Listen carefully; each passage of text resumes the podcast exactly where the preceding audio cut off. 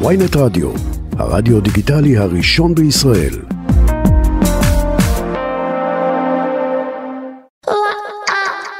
עכשיו בוויינט רדיו, מחוץ לפריים, עם רן בוקר.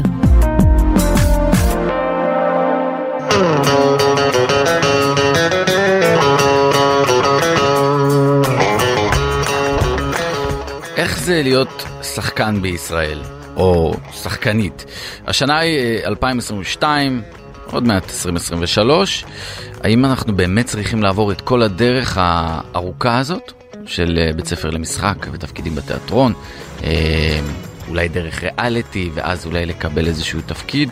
בכל מקרה, אנחנו נביא לכאן היום ארבעה שחקנים, נארח כאן ארבעה שחקנים, כל אחד וכל אחת עם הדרך השונה שלה ושלו, כדי להבין איך באמת אפשר להיות שחקן בישראל ועד כמה הם, הקשיים יכולים לשבור אותך ומה אתה צריך לעבור באמצע. זה בעיקר מיועד לאנשים שרוצים להיות שחקנים וחלק גדול מאוד מהאנשים שאוהבים את תעשיית הבידור חולמים להיות שחקנים אז בואו תשמעו מאנשים שעוברים, עברו את זה ומה הם נאלצים לעשות כדי להתפרנס בכבוד. מחוץ לפריים מתחילים.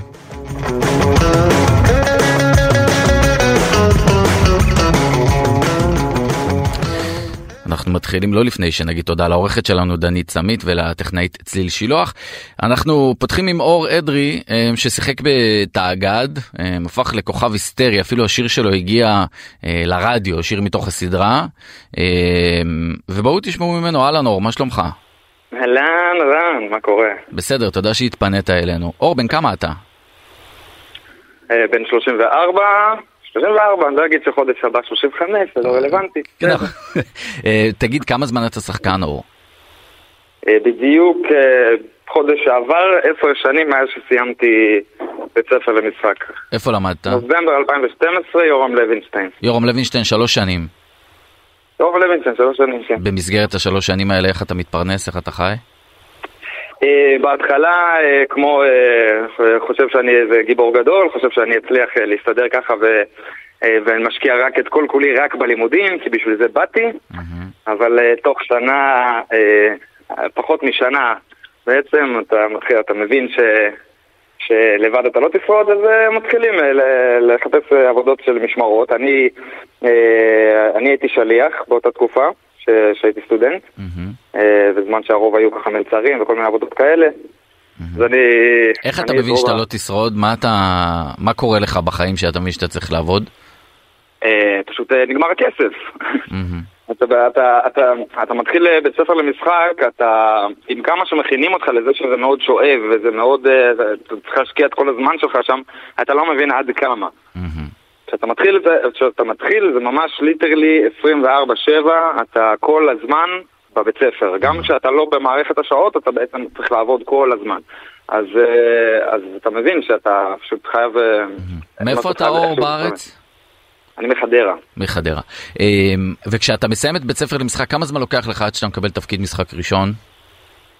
אמ, זהו, זו שאלה איזה, איזה, על מה אתה מדבר כשאתה אומר תפקיד משחק ראשון. כי יש תפקיד משחק ש, שמה שנקרא שעושה, שגורם לך אחר כך ליותר הכרה, שיותר מכירים אותך, mm-hmm. שמבחינת רוב הקהל בארץ זה התפקיד הראשון שלך, אבל, mm-hmm. אבל בפועל אתה מקבל גם תפקידים, אה, ש, תפקידים קטנים או תפקידים בתיאטרון. לא, אני רוצה תפקיד משחק ראשון שלך, ראשון, לא משנה אם מוביל להכרה או לא, ראשון. אה, ממש ראשון? כן. האמת שעוד כשסיימתי את הבית ספר, ממש לקראת הסוף כבר היה...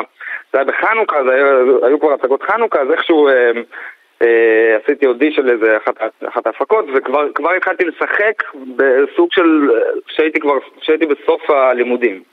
זה, אז, היה, אה, זה היה, מה זה היה, מחזמר חנוכה כזה? מחזמר חנוכה, כן. אתה זוכר כמה כסף קיבלת עליו או? בואו נגיד שזה לא השתנה הרבה מאז, אמ, שזה מה, זה מה שעצוב, זה לא, זה, לא, זה לא עצוב כמה קיבלתי אז, זה עצוב כמה מקבלים, כמה זה, כמה זה לא השתנה עד עכשיו. למה? Uh, אני אגיד לך, אני אגיד לך ככה, שאלת שאלה. כן. יש חוק, ב, יש מין איזה חוק ששחקן מתחיל כשהוא יוצא מבית ספר למשחק, mm-hmm. עד שנתיים אחרי שהוא בעצם uh, uh, שחקן ב, בשוק. הוא, הוא מתומחר בצורה מסוימת. בואו אני אגיד את זה ככה, 400 שקל להצגה, פשוט ככה. זה שחקן של ותק של שנתיים מתחיל להרוויח 450 ואז זה 500 ושם זה נעצר. צריך להגיד, זה שחקנים שרשומים בשח"ם, נכון? בארגון השחקנים. שחקנים שרשומים בארגון שחקנים ו... אז כן, 400 זה- שק- זה 400 התמחור. שקלים להצגה, זה מה ששחקן שנתיים עד שנתיים אחרי בית ספר למשחק, זה מה שהוא ששחקן מקבל. מתחיל צריך לקבל, כן. ובגלל זה יש הרבה גם אינטרסים של כל מיני, אה, של, של המפיקים ושל התיאטראות, של כן לקחת שחקנים מתחילים, שחקנים שרק יצאו מבית ספר כי הם מתומחרים פחות, אז אה, זה הרבה, אז יש איזה מין אה, תחושה שאתה יוצא מבית ספר למשחק, שאתה מאוד מבוקש. מהמם. יש תחושה כזאת שמאוד רוצים אותך, וזה משתי סיבות לפי דעתי, גם כי אתה באמת אה, חומר חדש וטרי ורוצים ככה לרענן ולראות, וגם כי אתה באמת אה, יותר זול, אז אה, זה יותר נוח אה, לקחת שחקנים שרק עכשיו... ואחרי שנתיים, אור, מה התעריף של שחם? אחרי שנתיים התעריף עולה ל-500 שקל. נראה לי שאחרי שנה זה 450 ואז זה 500, מתישהו זה אחרי שנתיים זה, זה נשאר. ואחרי 500 שנתיים זה נשאר קבוע, כאילו זה המחיר המינימלי נשאר קבוע. שאפשר לשלם לשחקן, לא משנה מי כן. אתה. רק נגיד שכששחקנים הופכים בכירים ובכירים יותר ומבוקשים יותר, יש כבר חוזים אישיים, לא כל שחקן מקבל את ה-500 לא, שקל זהו, האלה. בדיוק. אני, אני אומר שזה זה ב, מה שנקרא בחוק. אבל אחר כך אפשר כאילו, כל אחד, כל שחקן יכול אה, אה, לפתוח את החוזה לעצמו ולתמחר את עצמו כמה שהוא חושב שהוא... מהמם. שהוא אה, אז אור, אז התפקיד הראשון שלך בעצם זה בהצגת חנוכה. בוא, בוא אה, נעצור רגע בנקודה הזאת ונשאל אותך איך בעצם קיבלת את התפקיד הזה? כלומר, מה, אה, גייסת אני, סוכן אני או כן סוכנת? רוצה רגע, אני כן רוצה להתעכב על, כן. על הנושא הזה, כי אתה שאלת את השאלה על השכר, אז אני כן דווקא, כן אתעקש על זה, כי, כי, כי אני אני אתעקש להמשיך לדבר על זה, כי מה שעצוב זה באמת שאתה שחקן, אתה, אתה כל כך רוצה לשחק, ואתה אתה, אתה, בהתחלה של ההגשמה של החלום שלך, ואתה מסיים בית ספר למשחק, ואתה רק רוצה ש- שיקחו אותך ול- ולעבוד, אתה רק רוצה לעבוד במקצוע, ו... ו...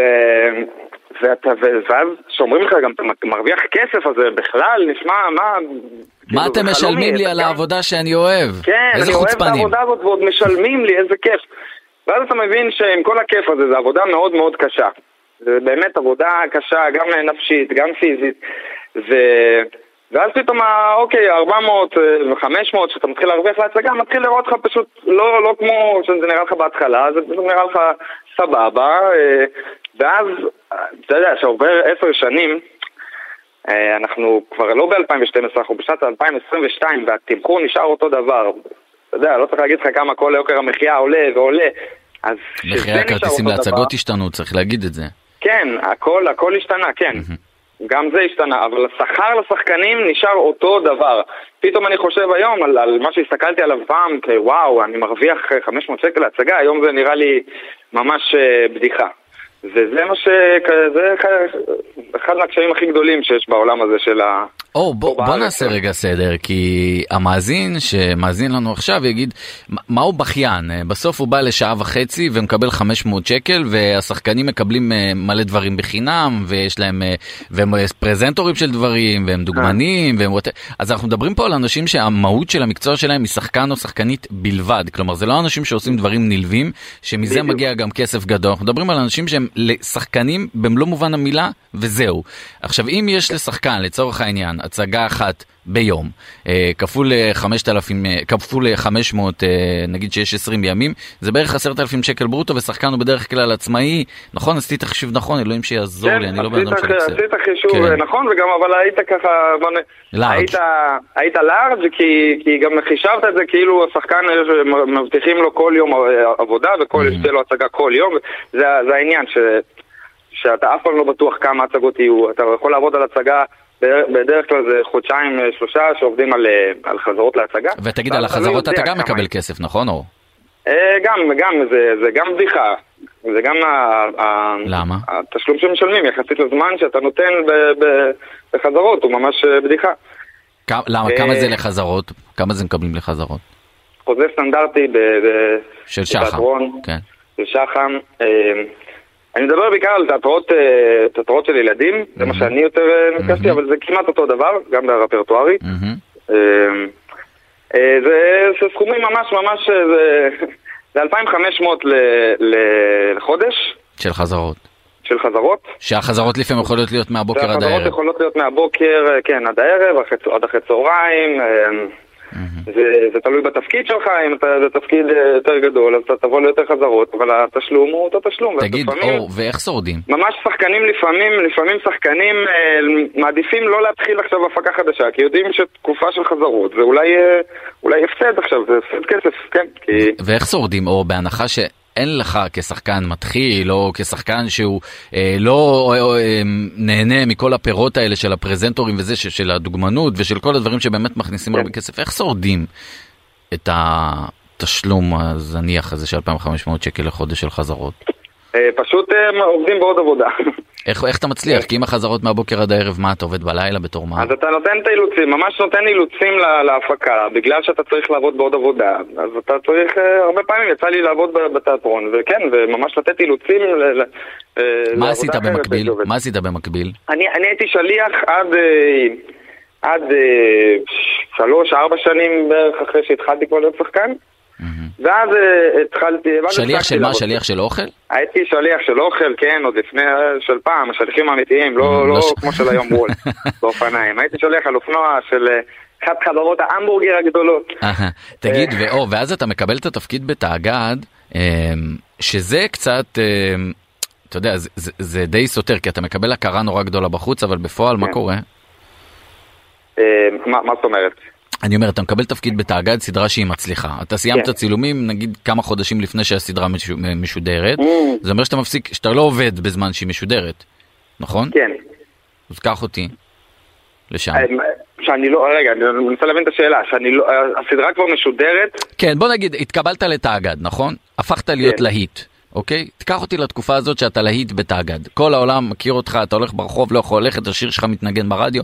קח אותי אה, לתקופה הזאת ולפרנסה. אז יפה, אז פה יש את העניין של כל אחד וה, יודע, והמסלול שלו, אתה, אתה מתחיל, אה, אתה בוחר שאתה מתחיל, רוצה להתחיל ללמוד משחק, אתה, מתחיל, אתה בוחר שאתה רוצה להיות שחקן, אתה לא יודע לאן זה יתפתח, אתה לא יודע מתי, אה, אה, איזה תפקיד תקבל, מתי תקבל, מה יהיה הגודל שלו, זה, באיזה צורה זה יבוא.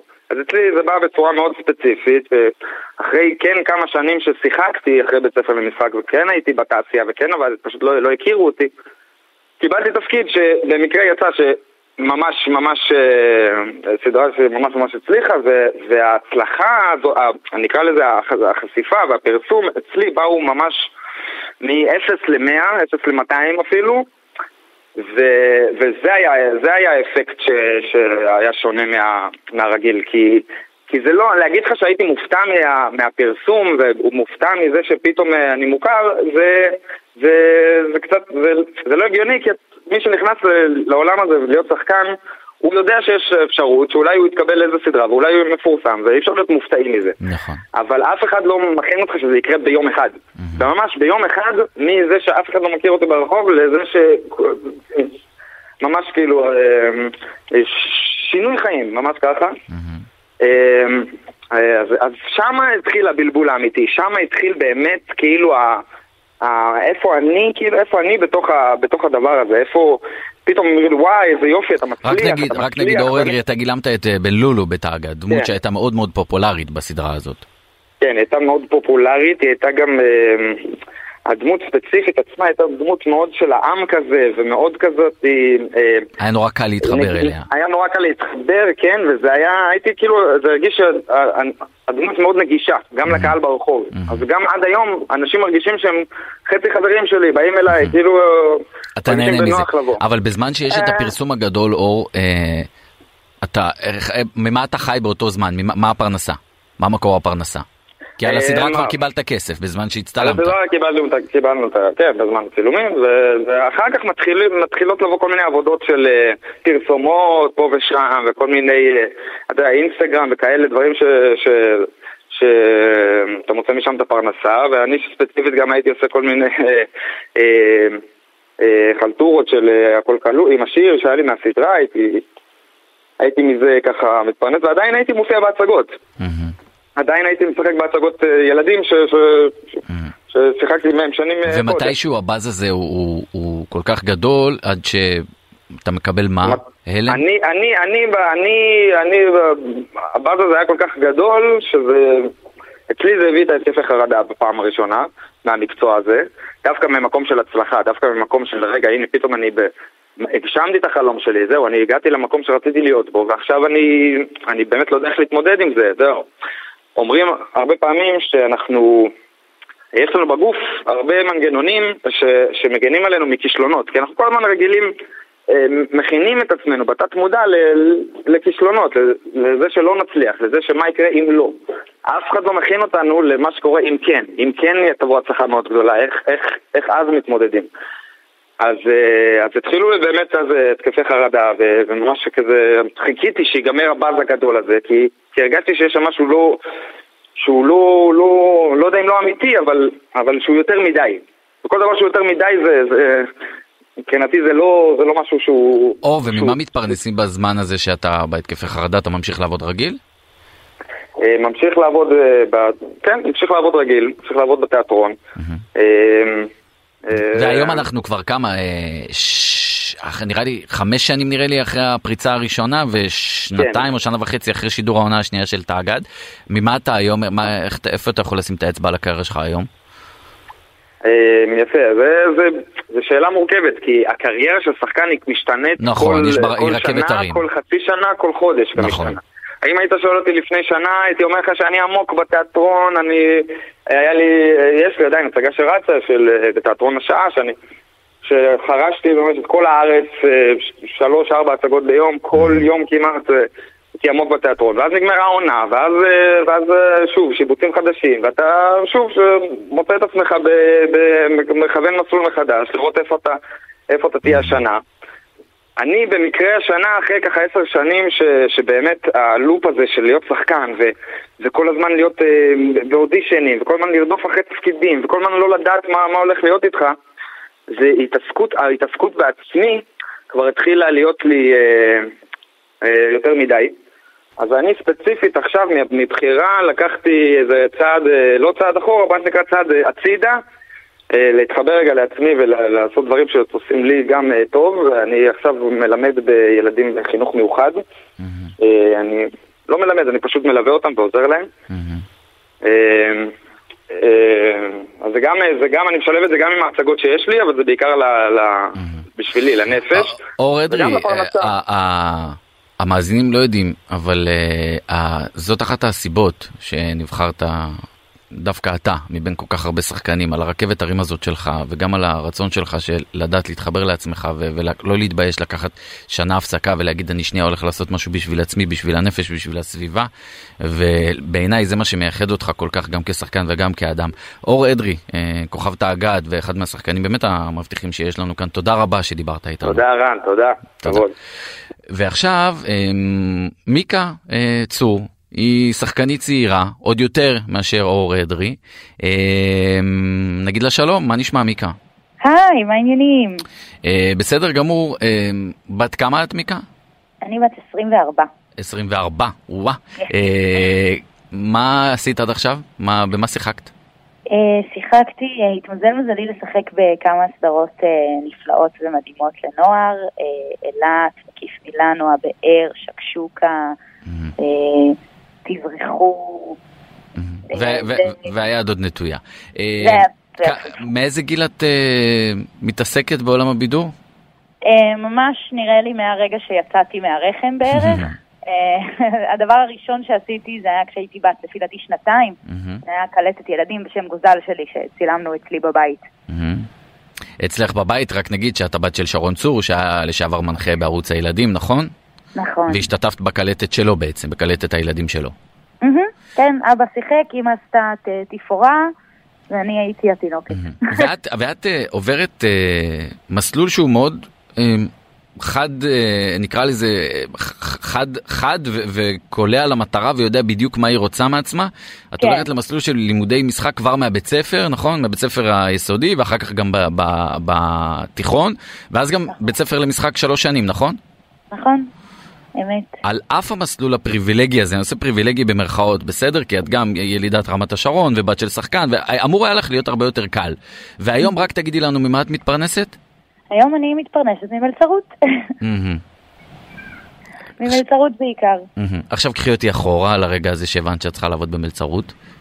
אה, אני חושבת שאחרי אה, אילת, שאילת אה, יצא, אילת זה היה הפרויקט הגדול הראשון שלי, שכזה פרץ לי את הדרך. זה פתח אותי לעולם הזה והכניס אותי אה, מאוד מאוד מהר לתוך העומק של אה, מה זה פרסום ומה זה שמזהים אותי ברחוב ומה זה שמתעסקים בי וזה. היום מזהים אותך ברחוב, מיקה הילדים? אה, כן, האמת ש, שלא מעט, וזה, וזה מאוד משמח, מאוד משמח. לפעמים גם קצת מפחיד, כי אני בן אדם שלפעמים קצת נבהל מתשומת לב, שזה מצחיק. אחלה מקצוע בחרת לך כדי להסתתר מתשומת לב. לגמרי, לגמרי. כשעבדת בסטימצקי? אה, כשעבדתי בסטימצקי היו מזהים אותי הרבה יותר מבמסעדה שאני עובדת בה עכשיו. שרק נגיד ביקשת לא להגיד את השם של המסעדה כדי שהילדים לא יבואו עד כדי כך. נכון, נכון, זאת האמת. וכשעבדת. בסטימצקי, איך זה בא לידי ביטוי? מה, הילדים? כן.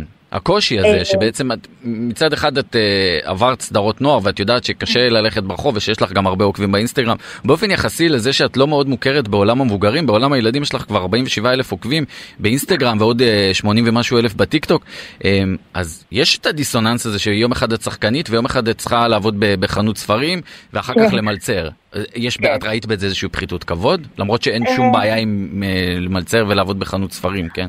ברור, אני, תראה, אני אגיד לך את האמת, בהתחלה זה כן קצת היה לי כזה איפי שאני צריכה כאילו uh, to serve uh, את הילדים שרואים אותי בטלוויזיה uh, ולתת להם uh, שירות, זה היה לי uh, בהתחלה קצת, uh, קצת כזה לא נעים, אבל מהר מאוד הבנתי שזה, נגיד זה שאני עובדת וילדים רואים אותי, עובדת ומתפרנסת גם מעבודה של כביכול במרכאות אנשים אמיתיים, זה מאוד מקרב וזה נותן פרופורציות גם. אני חושבת שהיו לי הרבה מאוד שיחות כאלה אה, בדלפק אה, מכירה של כאילו ילדים שואלים אותי, אז מה, את כבר לא שחקנית? ואני אומרת להם, לא, מה פתאום, אני עדיין שחקנית, פשוט אה, אני צריכה להתפרנס בעוד דרך.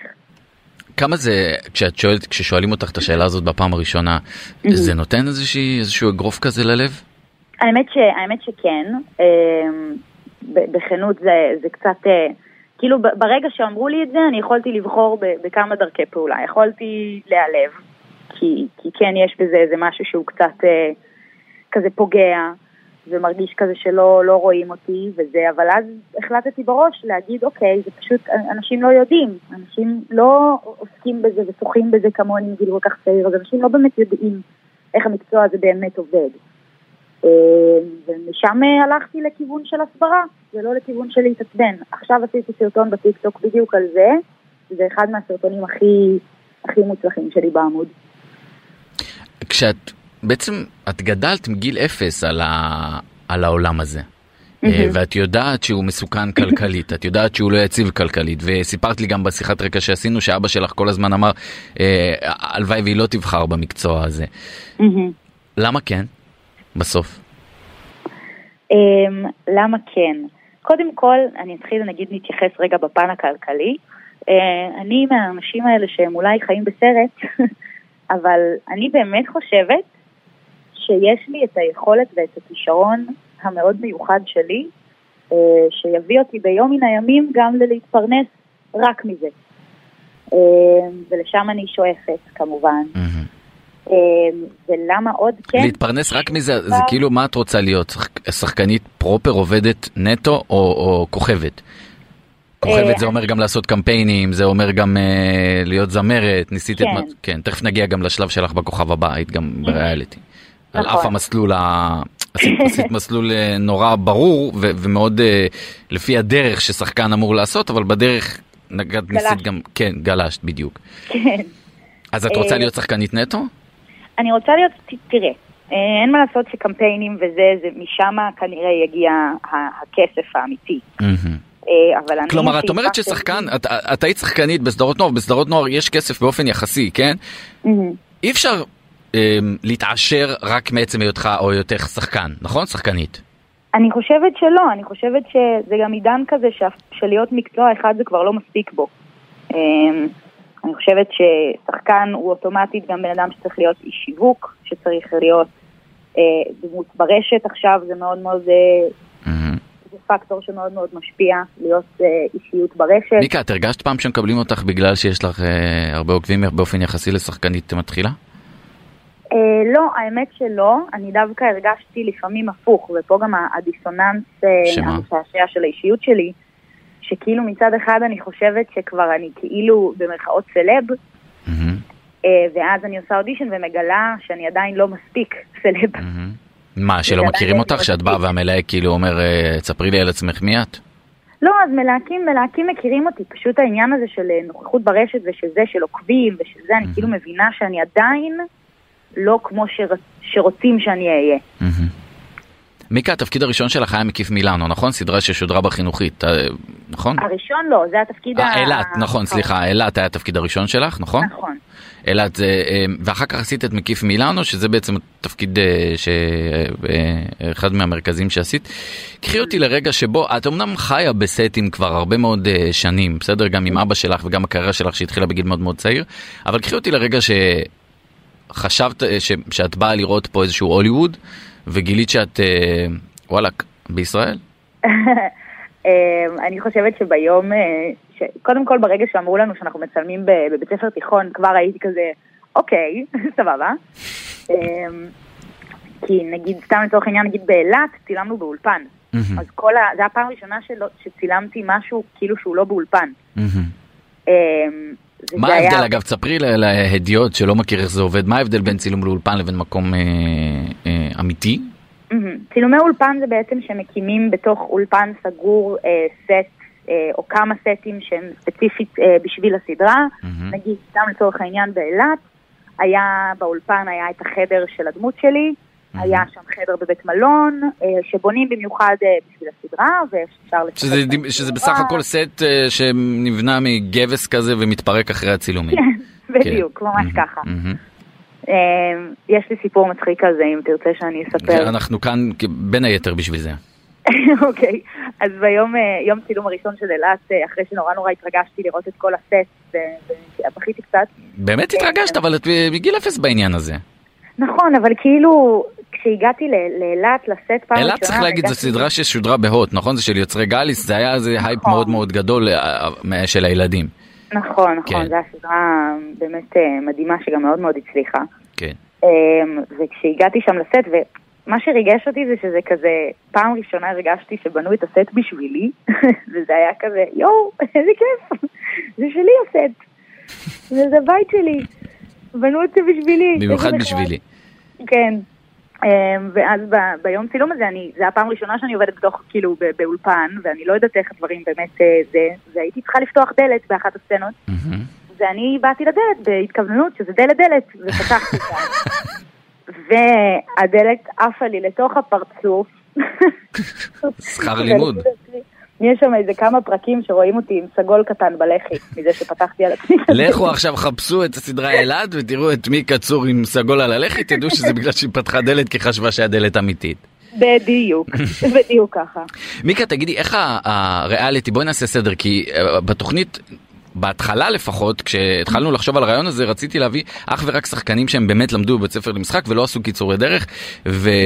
ואז פתאום אה, את אה, השתתפת בריאליטי, ותכף נדבר גם עם עוד אה, שחקנית שפתאום לא למדה משחק, והבנו שהכיוונים הם נורא משתנים, ולא חד סטריים, כלומר אין רק דרך אחת. אז. הריאליטי, הכוכב הבא, הוא עזר לך בדרך לקריירה להיות שחקנית בשתי מילים? אמ, לא ממש, אוקיי. בשתי מילים. לא, לא לא ממש.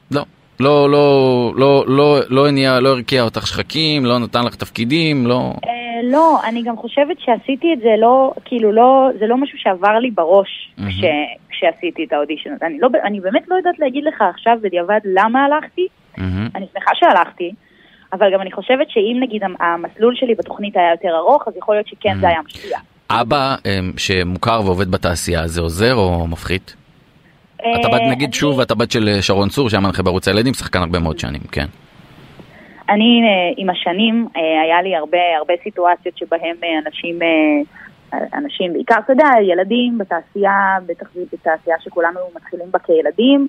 אז תמיד היו אומרים לי, יש לי פרוטקציות ויש לי זה, ואני בגיל מאוד מאוד צעיר מצאתי, נו, איך אומרים, דימוי, מצאתי דימוי שהוא משרת אותי טוב מאוד בסיטואציה הזאת, וזה להגיד שאבא, אבא שחקן, או, או אימא, או לא. משנה, בעצם הביא אותך לדלת, אבל אתה זה שצריך עדיין לפתוח אותה. ב- ב- אה, אחלה קלישאה, אבל בשתי מילים, אבא שחקן, זה עוזר או מקשה לקריירה?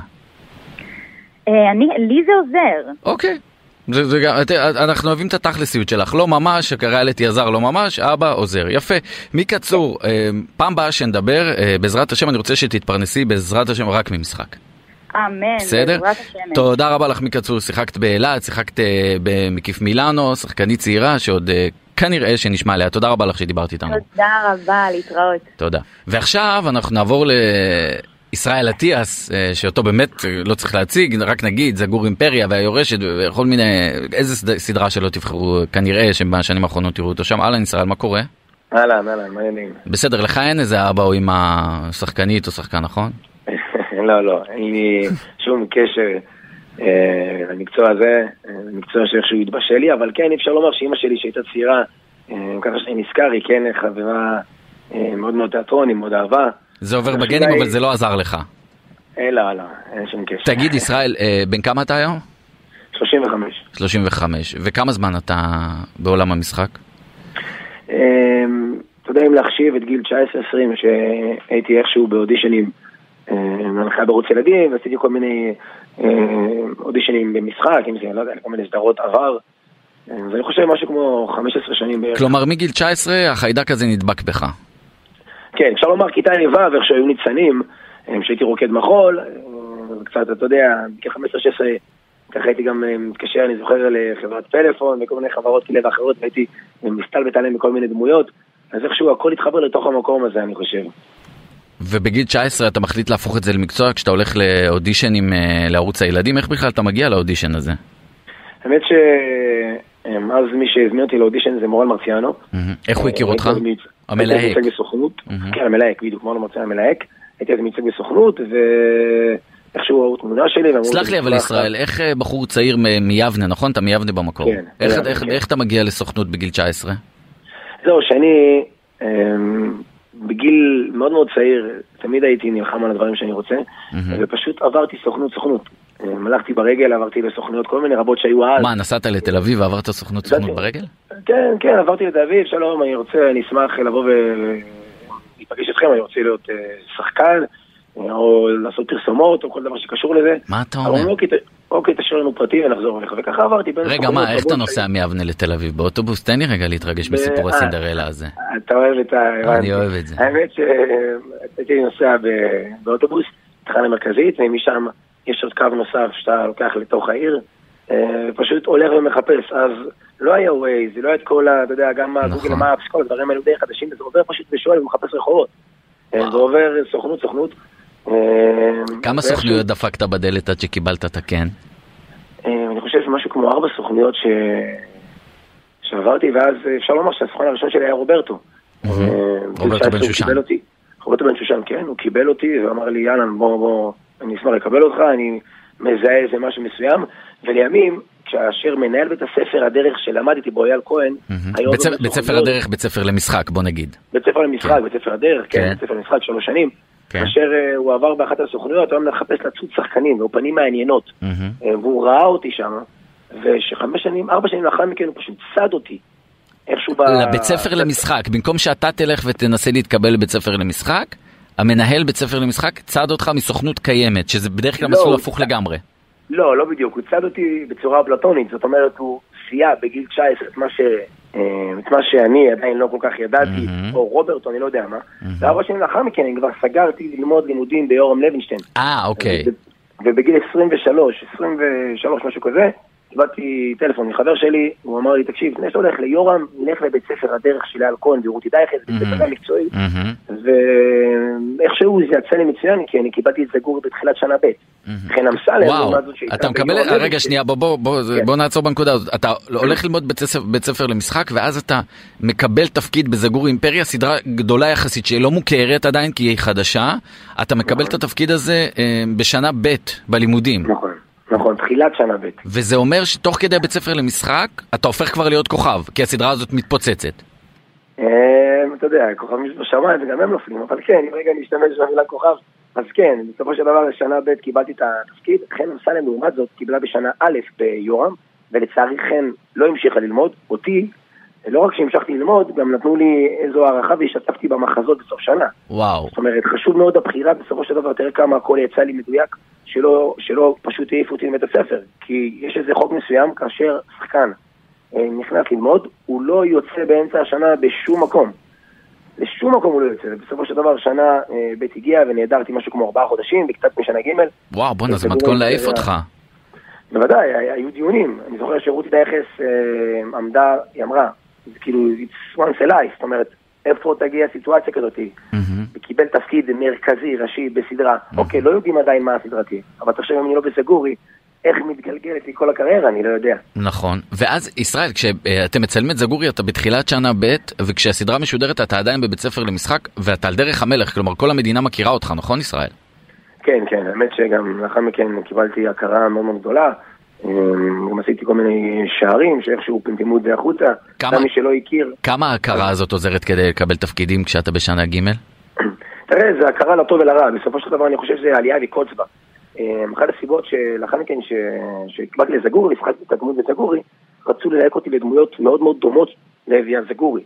ואני מבחינתי אמרתי, רגע, רגע. מה זה לא דמויות דומות? רגע, בוא נסביר. דמויות רגע, דומות זה רגע דמות... נשתמש- כן, כן. בואי נשתמש בסטריאוטיפים. כן. ארס מהרחוב, מהמם. אה, שמדבר בעברית אה, לא כל כך קולחת, עם הרבה הרבה, אה, בעיות, בוא נגיד, של שפה לא נאותה, והשפה שלו פשוט, הצד הקולח היחידי זה שהוא יורה קללות. הוא לא מדבר בצורה אינטליגנטית, ובסופו של דבר לא רציתי להישאל בתוך העולם הזה. צריך להגיד, זה היה לך מאוד נוח להישאב לזה, כי זה תפקידים שהיית מקבל באהלן אהלן, כי הוכחת את עצמך כבר בדבר הזה. נכון, יצאו לי תפקידים כבר בלי אודישנים, אה, בסגנון שלי וואו. זגורי. וצריך להגיד שאתה אחרי בית ספר למשחק, כלומר דרך המלך נפתחת בפניך ואתה אומר חבר'ה, סטופ, אתם לא תקבעו לי שאני typecast של ערס לצורך העניין. בדיוק. יוני דותן. כן. יוני דותן הסוכן שלי. אה, ליווה אותי בכל התהליך הזה, שאני אמרתי לו, יוני, חייבים לשנות מסלול, אני לא מוכן להיות ערס מחמד של אף אחד. וואו. בתעשייה הזאת. בסופו של דבר כן, יש פה כסף והרבה כסף. אה, אבל אתה אומר לעצמך, אתה רואה את הקריירה ל long run, הרבה פעמים אנחנו עושים דברים שאנחנו יכולים להצטער עליהם בעתיד. אז אני אמרתי לעצמי, אני כרגע רוצה לפתוח את ה range הזה, מבחינתי אני אומר לא לתפקידים האלו, כי אני יכול לגלם, באמת אני אומר, כל דמות, יש דמות יותר קרובה, יותר רחוקה. אז מה שיותר רחוק אני אעבוד יותר קשה, מהחוץ לפנים, מהפנים לחוץ, ובסופו של דבר אסור לי כשחקן לראות את הכאן ועכשיו. אבל למה היה, למה היה נוח לתת לך את התפקיד הזה? כי מה? כי, כי הוכחת את עצמך בזגורי? אם שכן. מהמם. סגור אימפריה שמו אותי ממש אה, על המפה.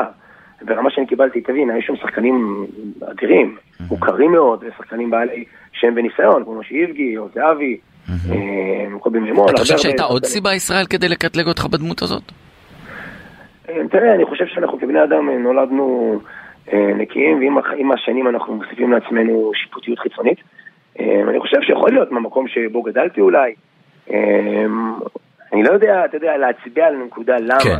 אבל אני יכול להגיד לך שהרבה פעמים קיבלתי אה, פידבק מאנשים שאמרו לי, מה, אתה לא ככה במציאות? מה, כאילו אנשים לא הבינו. אז אז שנפתחתי החוצה לרעיונות, אם זה, אם, זה כאילו רעיונות בטלוויזיה, אז פתאום הבינו שזה לא מה שבאמת זה.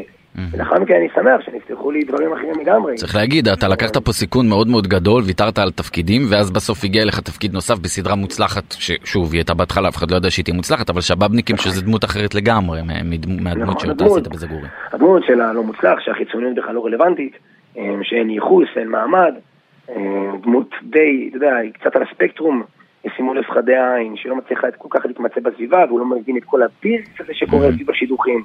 ישראל, תגיד, איך אתה במובן של הפרנסה? אתה כבר, הפכת להיות שחקן מהשורה, שחקן שמקבל הרבה מאוד כן. תפקידים, איך זה היה בהתחלה מבחינת הפרנסה? מה נאלצת לעבוד כדי להמשיך להתפרנס בכבוד? תראה, אני אגיד לך מה, אה, תמיד אני אומר שכמו שרופא מסיים לימודים עושה סטאז', אני כשסיימתי בית ספר למשחק, אני יכול להגיד לך שאחרי זגור אימפריה, אה, אמרתי לא להצעה שתיים שיושבות על אותו, על אותו typecast, אמרתי לעצמי, אני לא מוכן אה, כרגע לעשות את זה, אז אני יודע שאני אשלם מחיר מסוים. אז אני מבחינתי הייתי כמו, אתה יודע, עץ הבמבוק הסיני, אתה מכיר את הסיפור שלו, ארבע שנים צומח מתחת האדמה, אוסף שורשים, ואז בשישה שבועות, אה, בשנה החמישית מתפוצץ. אני לקחתי את הסטאז' הזה, אה, ועשיתי כל מיני דברים מזדמנים. אם זה עשיתי פה ושם הרצאות לבני נוער, להעביר להם את הניסיון שלי ואת ה... את ה בוא נגיד את האמונה בעצמי, כאשר הם האמינו בעצמם, אני באתי מיבנה, זאת אומרת, שיבינו שכל העולם באמת, האמצעי שנמצא שם, נגיד לב תל אביב, זה הרבה פעמים נגיע לפריפריה. זאת אומרת, לא, לא לראות את זה כאיזה משהו שהוא אה, בלתי אפשרי. אה, בנוסף עשיתי כל מיני סרטי סטודנטים. אני יכול להגיד לך שאני מאלה הראשונים, הרי לא משלמים לסרטי סטודנטים לשחקנים, ואני אמרתי, שחקן חייב לקבל כסף לסרטי סטודנטים, ואני עשיתי אה, סרטי סטודנטים. כאשר המאפרת מקבלת כסף, כאשר הצעה מקבל, למה השחקן שלו? איזשהו, באיזשהו מקום ניצלו אבל מה נפלת על הסטודנטים? איפה יש להם כסף? זה לא משנה, כאשר יש כסף, 300 שקלים לשלם, לשלם למאפרת, יש גם כסף לשלם לשחקן. למה אוקיי. הפנים של הסרט לא אמורות, אה, לא אמורים כאילו להתפרנס מזה? אני מסכים איתך. לגמרי, אני פשוט לא יודע מאיפה הם ישיגו את הכסף. כמו שהשיגו למאפרת, אתה יודע, כל אחד יביא 50 שקלים, ואתה יודע, ויסתדרו, אני יודע שיסתדרו. אה, ואתה יודע, זה מה שעשיתי, גם בין לבין עשיתי כל מיני, אה, כתבתי האמת איזה תסריט עם חברים, אה, LSD, שכאילו, אה, בסופו של דבר זה לא יצא כל כך לפועל, אבל הייתי מאוד מאוד עסוק בעשייה ללא פרנסה אמיתית, אני חייב להודות. אחרי, כלומר, אתה, אתה כוכב מטורף אחרי זגורי אימפריה, כוכב פסיכי, כל המדינה מכירה אותך ואין לך פרנסה. אתה יודע, הרצוי והמצוי, אין מה לעשות, אלה שני דברים נפרדים. כן, אם הייתי עושה זגור אימפריה וכולי, הייתי כבר מיליונר. אנשים חושבים שאנחנו עושים מיליונים, זה עוד לא שמה. אבל אחרי שסיימתי זגור אימפריה, כן, אני הייתי צריך עדיין לבוא ולקטט ולבדוק איפה אני כן יבוא, אה, יכול ולעשות אה, ולמצות את עצמי פרנסה, אז איכשהו התקבלתי, אה, הייתה לי איזו שיחה עם ראש המתנסים פה ביבנה, והוא אמר לי שהוא רוצה שאני אנהל את בימת הנוער ביבנה. אז זה פתח לי עוד רנג' נוסף לפרנסה ולעבודה עם תלמידים. אבל בתור שחקן אחרי זגורי אימפריה לא הייתה לך, כי, בררת. גם כי בררתי, ולאחר מכן, כאילו בשנה לאחר מכן קיבלתי כבר את מרילו, ואז את שב"בניקים, זאת אומרת, בא לי איזה שנתיים שאני כזה מחפש את עצמי, ואיכשהו דברים התחברו. אני לא- אני לא יכול להתכונן, בוא נגיד, אני השחקן שלא יכול להתכונן. תגיד, אנחנו מתקרבים לכדי סיום, אני רוצה לשאול אותך שתי שאלות. אחת, אם אתה שחקן אה, לבד, ואתה כבר לא שחקן נטו, אתה גם מדגמן היום לחברות, ואתה עושה דברים שאתה נהנה מהמעמד אה, ככוכב מצליח, אתה נהנה מהם, אין ספק, אבל כשחקן נטו, אה, אפשר להתעשר כמו שאנשים חושבים? מה זה להתעשר? אני רגע אחזיר לך בשאלה. מה זה להתעשר מבחינתך? אה, עכשיו אתה עושה לי שיעור תורה, אני מריח את זה בה. לא, אלא זה לא לא שיעור תורה, אני באמת אומר, מה זה להתעשר? כאילו... להתעשר זה להיות לא- עם הרבה כסף. אני לא חושב שפה בישראל השחקן הבכיר ביותר יכול להתעשר ממשחק נטו. אה, קח את ה top מבחינת, כאילו, אתה יודע, מי שאתה מכיר גם, יש להם עסקים, אני לא אגיד את שמם, מכבוד. אבל יש להם עסקים מהצד, שזה מקור פרנסה עצום. כן, אפשר להתפרנס אה, ממשחק, אבל להתעשר, חד משמעית לא. לטעמי אוקיי. בלבד, אה, זה מה שאני חושב. אוקיי, ו... בוא תכניס אותי שנייה אחת, נשארו לנו ממש עוד דקה וחצי, תכניס אותי שנייה, איך עושים אודישנים בשנת 2022 לעומת אה, נגיד אה, עשור אחורה 2012, היום אתם שולחים את רוב האודישנים. כן. בווידאו, נכון? אתה לא נכון, מגיע. לא, היום היום אתה עושה הכל. אז תספר גם- לי, בוא, בוא תספר לי מהשיחה הראשונה שאתה מקבל מהסוכן שלך, אה, תקשיב, מהסוכן שלך יוני דותן, צריך להגיד, אה, מהבכירים בישראל אגב, איש מאוד יקר לליבי, אה, אתה מקבל ממנו שיחת טלפון ואומר יש תפקיד בסדרה חדשה, איך זה הולך? איך, תספר לי. אני מקבל תסריט ברוב הפעמים, ולפעמים אני מקבל רק רקע על הדמות עצמה, ואת הטקסט עצמו שאני אבחן באודישן. אתה יושב על מול אשתך לצורך הדוגמה, או חבר שבא ומצלם אותך ועושה איתך את הטקסטים, אתה יושב איך אתה מצלם ישראל בפלאפון? בטלפון, היום הכל בטלפון. שם- מה, חצובה כזאת? שם חצובה? שם חצובה או, או, או ידני, תלוי אה, בהתאם לאודישן שאתה רוצה ומה אתה רוצה לצלם, צלם מדיום שוט על קיר לבן. אתה עושה הכל ממש, מא' עד. מהמם. יש בזה יתרון מצד אחד, כי אתה יכול לעשות כמה טייקים שאתה רוצה.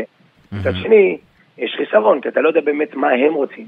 אז כרגע... כי מה, כי באודישן רגיל שאתה יושב מול המלהק או המלהקת, אתה רואה את הבעת פנים שלו ואז אתה יודע איך, איך להגיב? לא, לא בהכרח הבעת פנים, אתה, אה, אתה מנתח לעצמך את, את הדמות כמו שאתה מבין אותה, ולפעמים רוצים ללכת למקומות אחרים לגמרי. וזה יכול ליפול הרבה פעמים על ניתוח דמות או ניתוח כן, סצנה. אבל מה ההבדל בין זה אם זה פרונטלי או, ב, או בצילום או אני- בווידאו? ההבדל העיקרי זו האנרגיה שהשחקן בא איתה. ברגע שאני בא לאודישן, אני אומר אליו שלום המלהק, ל- ל- לבמאי וכן הלאה, משהו באנרגיה שם משתחרר, משהו באנרגיה שם מרגישים אותך, יודעים אם מתאים להם או לא. אין מה לעשות, הקיר הרביעי הזה של האודישן המצולם הוא בעיניי די פוגע בסופו של דבר. בהכרה שלך, מי אתה, מה אתה, מספיק איזה חיוך קטן באודישן, או איזה קריצה, שיכול לקחת את התפקיד. וברוך השם אתה שיקרתי יודע לעשות את הדברים האלה נשמה. לא, אבל אני אגיד לך, משהו, אה, אתה יודע, משתדלים. יאללה שיקרצי קיבל את, ג'גורי. יאללה שיקרצי קיבל את ג'גורי אימפריה בסיפור קצר ומדהים. כן. הוא ישב, נבחנו 300 שחקנים על התפקיד של רגע, אביר. אייל שיקרצי זה אביר, שמשחק אביר, את כן, אביר, אביר נכון, כן. מג'גורי אימפריה, כן. הוא ישב על ה... אה, על הכיסא, והוא לקח את הג'קט שלו, והוא זרק אותו לכיוון מורל מרסיאנו המלאה. הוא אמר, שמור, שמור לי את הג'קט. וישב. ובזה זה נגמר האודישן שלו. הפעולה הזאת שהוא עשה, הביאה לו את האודישן, כי הרבה, רבים וטובים עשו, פחות או יותר היו ב- ב- בעניין ובאווירה, אבל הטקסט החצוף חיובי, נתן לו את התפקיד. אין לזה חוקים למקצוע הזה, אבל חשוב לומר, ברגע שאדם, אתה יודע, חיים קצרים, צריך ליהנות, זה מה שאנחנו עושים, ולהתפעל לפרנסה גם, כמובן, שאי אפשר... אה, ידעתי שהשיעור תורה בדרך, ידעתי. לא, אי אפשר, אי אפשר בלי זה, בסופו של דבר, אני, אני, זה, זה המנוע שלי, זה החיים שלי, בסופו של דבר. האיזון בין הגשמי לבין הרוחני, שמה שיש אני מקבל את זה לטובה, משתדל לפחות, וממשיכים הלאה במסע. תגיד, לפני שאנחנו מתחילים פה בתפילת אה, מנחה, אה, כמה- אודישנים אתה יכול לשלוח לצלם ברצף נגיד? יש לך יום כזה שאתה אומר היום אני מצלם אודישנים ושולח? לא, זה, אתה יודע, זה משתנה, זה יכול להיות פעמיים בשבוע, לפעמים שלוש. אני יכול להגיד לך שלפעמים רוצים ממני, האודישנים הקשים ביותר זה אודישנים שאני עושה לחו"ל. למה? אוקיי. זה מרגע לרגע. אתה מקבל היום טקסט, הדס מוזס, כאילו, גם הסוכנת בסוכנות ידידי. שולח לי טקסט היום, מחר ב-10 בבוקר אני חייב לשלוח טקסט מצולם באנגלית, ברוסית, באיטלקית, לא משנה מה. וזו עבודה אינטנסיבית, אתה משקיע על זה 10-12 שעות, שאתה לא יודע מה יהיה עם זה. עכשיו הייתי ממש בשלב סופי לסדרה אמריקאית, על השנייה האחרונה להתמסמס. היא כתבה לי, אהבו אותך נורא מלהקים, אבל זה מרגע לרגע, אז אתה מרגיש שאתה משקיע ומשקיע, אבל ההשקעה הזאת לא לחינם בסופו של דבר. תמיד תזכור, עץ הבמבוק הסיני, רן, תמיד תזכור, תמיד תסתכל על לונג רן. איזה, איזה עצה אתה יכול לתת, יש לנו ממש עוד חצי דקה, לשחקן שמתחיל עכשיו את דרכו, בין אם הוא בית ספר למשחק או בין אם לא. ראשית כל אני חושב שבעיניי, עוד פעם, זה הכרחי מאוד ללמוד בבית ספר למשחק. מהמם. הרנג'ים שנפתחתי בבית ספר למשחק, לא הייתי נפתח בשום מקום, אף אחד לא ייתן לי תפקידים כאלה בחוץ, מהמם. בשום סיטואציה. אז אני חושב שלרכוש כלים, ואם לא בבית ספר למשחק, פשוט לעשות סדנאות. אמ, דבר עיקרי וחשוב, אמונה. אמונה בעצמך. אמונה בעצמך היא חלק בלתי נפרד, להמשיך במסע הזה, להבין שכל לא קטן הוא מקרב אותך לכן. ובסופו כל לא דבר- קטן מקרב אותך לכן. נדמה לי שבשיחה אה, על איך זה להיות שחקן בישראל, עם זה אה, צריך לסיים איתך. ישראל אטיאס, אוקיי. כוכב אה, זגור אימפריה, אה, היורשת, אה, באמת, פשוט תעשו עליו ויקיפדיה ותראו. אה, תודה רבה לך שדיברת איתנו. תודה רבה לך, רן, שמחתי מאוד, תודה רבה. תודה. אה, ועכשיו אנחנו אמרנו לכם שאנחנו בין אה, כל הזמן עושים מישמש בתוכנית הזאת, אז אה, אנחנו עוברים אה, לנועם לוגסי, ששיחקה עד אה, לאחרונה בעונה השנייה של המפקדת, גילמה שם את אה, טולי, הסמ"פ, אהלן נועם, מה נשמע? מצוין, מה שלומך? בסדר, אנחנו תופסים אותך בעצ- בעצם בסוג של קרייסס שאת לא מצליחה לפתוח את הדלת של הבית. של של החדר במלון, זה יותר אה, אה, גרוע. אה, אז יורדים לקבלה ומביאים אחד נוסף, נכון, אבל אנחנו בלו"ז צפוף, לא נורא. אני אה, לא אוקיי, בסדר. במסדרון, אה, אז. תודה רבה לך שבאמצע הקרייסס את מתפנה אלינו. אה, נועם, בת כמה את? אני תכף 27 כבר. אוקיי. וכמה זמן את שחקנית? עשר שנים, אני אחגוג, וואו. עשר שנים. אני קולטת, כן. ספרי לי על התפקיד משחק הראשון שלך בגיל 17. בגיל 17 שיחקתי בשמינייה הדור הבא, וזה בעצם לא רק היה התפקיד משחק הראשון שלי, זה היה גם האודישן הראשון שעשיתי וואו, אי פעם. ממש כמו מהמר בקזינו, הולך ו- הולכת. לפעם הראשונה וזוכה בזה, וואו. כן. איך הגעת אה, לאודישן הזה? מה היה לך? סוכן? סוכנת? לא, אה, לא הייתה לי סוכנות, אה, הייתי ילדה בת 17 בצופים. מאיפה? אה, מאיפה ו- במקור, נועם? פתח תקווה. ומישהי שלמדה איתי בחטיבה פשוט כזה כתבה לי במסנג'ר, וכזה מצחיק, יש לי עדיין את כל ההתכתבות, יואו. שמחפשים אה, שחקנים חדשים ל- לשמינייה, וכדאי לך ותשלחי, וכזה, הכל קרה מהרגע להרגע. פשוט מהמם. נסעתי, עשיתי תמונות אה, הכי חובבניות שיש, שלחתי, הגעתי לאודישן והתקבלתי. רגע, זה, שנייה, זה מסר חשוב שאני רוצה להעביר דרכך, בסדר? אני שנייה סוטה מהנושא. את אומרת, עשית תמונות חובבניות, ודרך זה התקבלת. מה זה חובבני? אני לא הבנתי את המשמעות של ה... שבעצם כמו שיש היום בוק שחקן וכל הדברים האלה. נכון, אני... אז רק נגיד שהתקבלת בלי זה, כלומר כל האנשים שמבקשים מכם אה, לגמרי. אלפי שקלים בשביל בוקים, הנה נועם לוגסי, היום אה, במפקדת, אז בשמינייה הדור הבא, התקבלה לאודישן לפחות, הזמינו אותה לאודישן בלי תמונות מקצועיות, הכל טוב. לגמרי. אוקיי. גם, גם לא רק זה, אני גם הייתי בלי סוכנות, שזה גם משהו שלא לא מהמם. קורה. אני התכתבתי עם אסתר קלינג, המלהקת המהממת, אה, באופן אישי, אז כאילו, פשוט אה, שלחתי לה מייל. אני, אני, אני כאילו מאוד, אה, זה, זה מסר מאוד חזק שהכל אפשרי. אין, אין אה, חוקים. תגידי לדבר נועם, הזה. למה- למה ויתרת על בית ספר למשחק? אמ, אני לא, אני לא ויתרתי כי זה מעולם לא הייתה אופציה מבחינתי, אז זה לא? שחשבתי ואז ויתרתי. כי לא הגיע השלב, השלב שאני כבר עבדתי, הקדים את השלב של בכלל לחשוב על לימודים כלשהם. אני התחלתי לעבוד כשעוד הייתי בכיתה י"א בבית ספר. כלומר, התפקיד של השמינייה הדור הבא בעצם הביא עוד תפקידים ועוד תפקידים ועוד תפקידים. נכון, אה, אה, אני לא זוקפת את זה לזכות זה, אני נכנסתי לסוכנות והתגלגלתי מאודישן לאודישן. איך נכנסת לסוכנות? דרך התפקיד הזה. אסתר, אסתר עזרה לי לבחור אה, מתוך כמה סוכנויות את, מה שהכי, את הבית וואו, הכי מתאים. לי. לבחור, לבחור, אלוהים שישמור, היום שחקן בא, צריך להתחנן לסוכנת שתקבל אותו, וואו, מדהים. כן, ברוך השם. ובמרחק הזמן שאת מסתכלת היום אחורה אחרי התפקיד הכי גדול שלך עד עכשיו, נכון? במפקדת, טוליה סמ"פ, אה, את חושבת שאפשר להצליח גם בלי או שאת מקרה חריג? גם בלי בית ספר למשחק או שאת מקרה חריג? אני בטוח לא המצאתי את הגלגל. אני מעבירה הרצאות, וכשאני תמיד, אני מתחילה את ההרצאה עם הסיפור הזה, ומה שאני אומרת זה שזה, אין לי תקרת זכוכית. כאילו, אני שוברת את התקרת זכוכית בכל מיני תחומים בחיים שלי, אבל מה שהיה אז, כשהייתי בת 17, זה שפשוט לא הייתה לי תקרת זכוכית, כי לא הייתי מודעת לכל הדברים האלה. לא ידעתי שאפשר לקבל לא, וכמה זה קשה להתקבל, וסוכנות זה משהו שנורא נורא קשה להיכנס אליו. לא ידעתי את כל הדברים אבל האלה. לא ענית לי על השאלה, את ממליצה היום למישהו שרוצה ללכת להיות שחקן, עם בית ספר למשחק או בלי, התקל, הקרייסס שהיה לך שם גזל מאיתנו הרבה זמן, אז אה, זמננו קצר. את ממליצה או לא? אני ממליצה לכל אחד לעשות מה שהוא מרגיש. אין לי סלידה מבית ספר למשחק חס וחלילה, כל אחד יש לו את המציאות שלו, ו... אחלה כאילו- תשובה ואני גם אה, יכול לסדר לך קריירה דיפלומטית אם תרצי לפרוש מתישהו בעולם המשחק. נועם לוגסי בגלל אה, קרייסס המפתח אנחנו נאלצים לסיים תודה רבה רבה לך שדיברת איתנו כוכבת העונה. השנייה של המפקדת. אנחנו מחוץ לפריים ניסינו ב-40 ומשהו דקות אולי קצת יותר אל תתפסו אותי במילה אה, איך זה להיות שחקן ושחקנית בישראל מה המחיר של זה מה התמורה של זה מקווים שהצלחנו לעזור לכם. אני הייתי רן בוקר, העורכת שלנו היא דנית סמית והטכנאי שלנו התחלף, אנחנו, אינטרנט פה זה מהר, עמית זק. תודה רבה לכם שהאזנתם מחוץ לפריים. thank you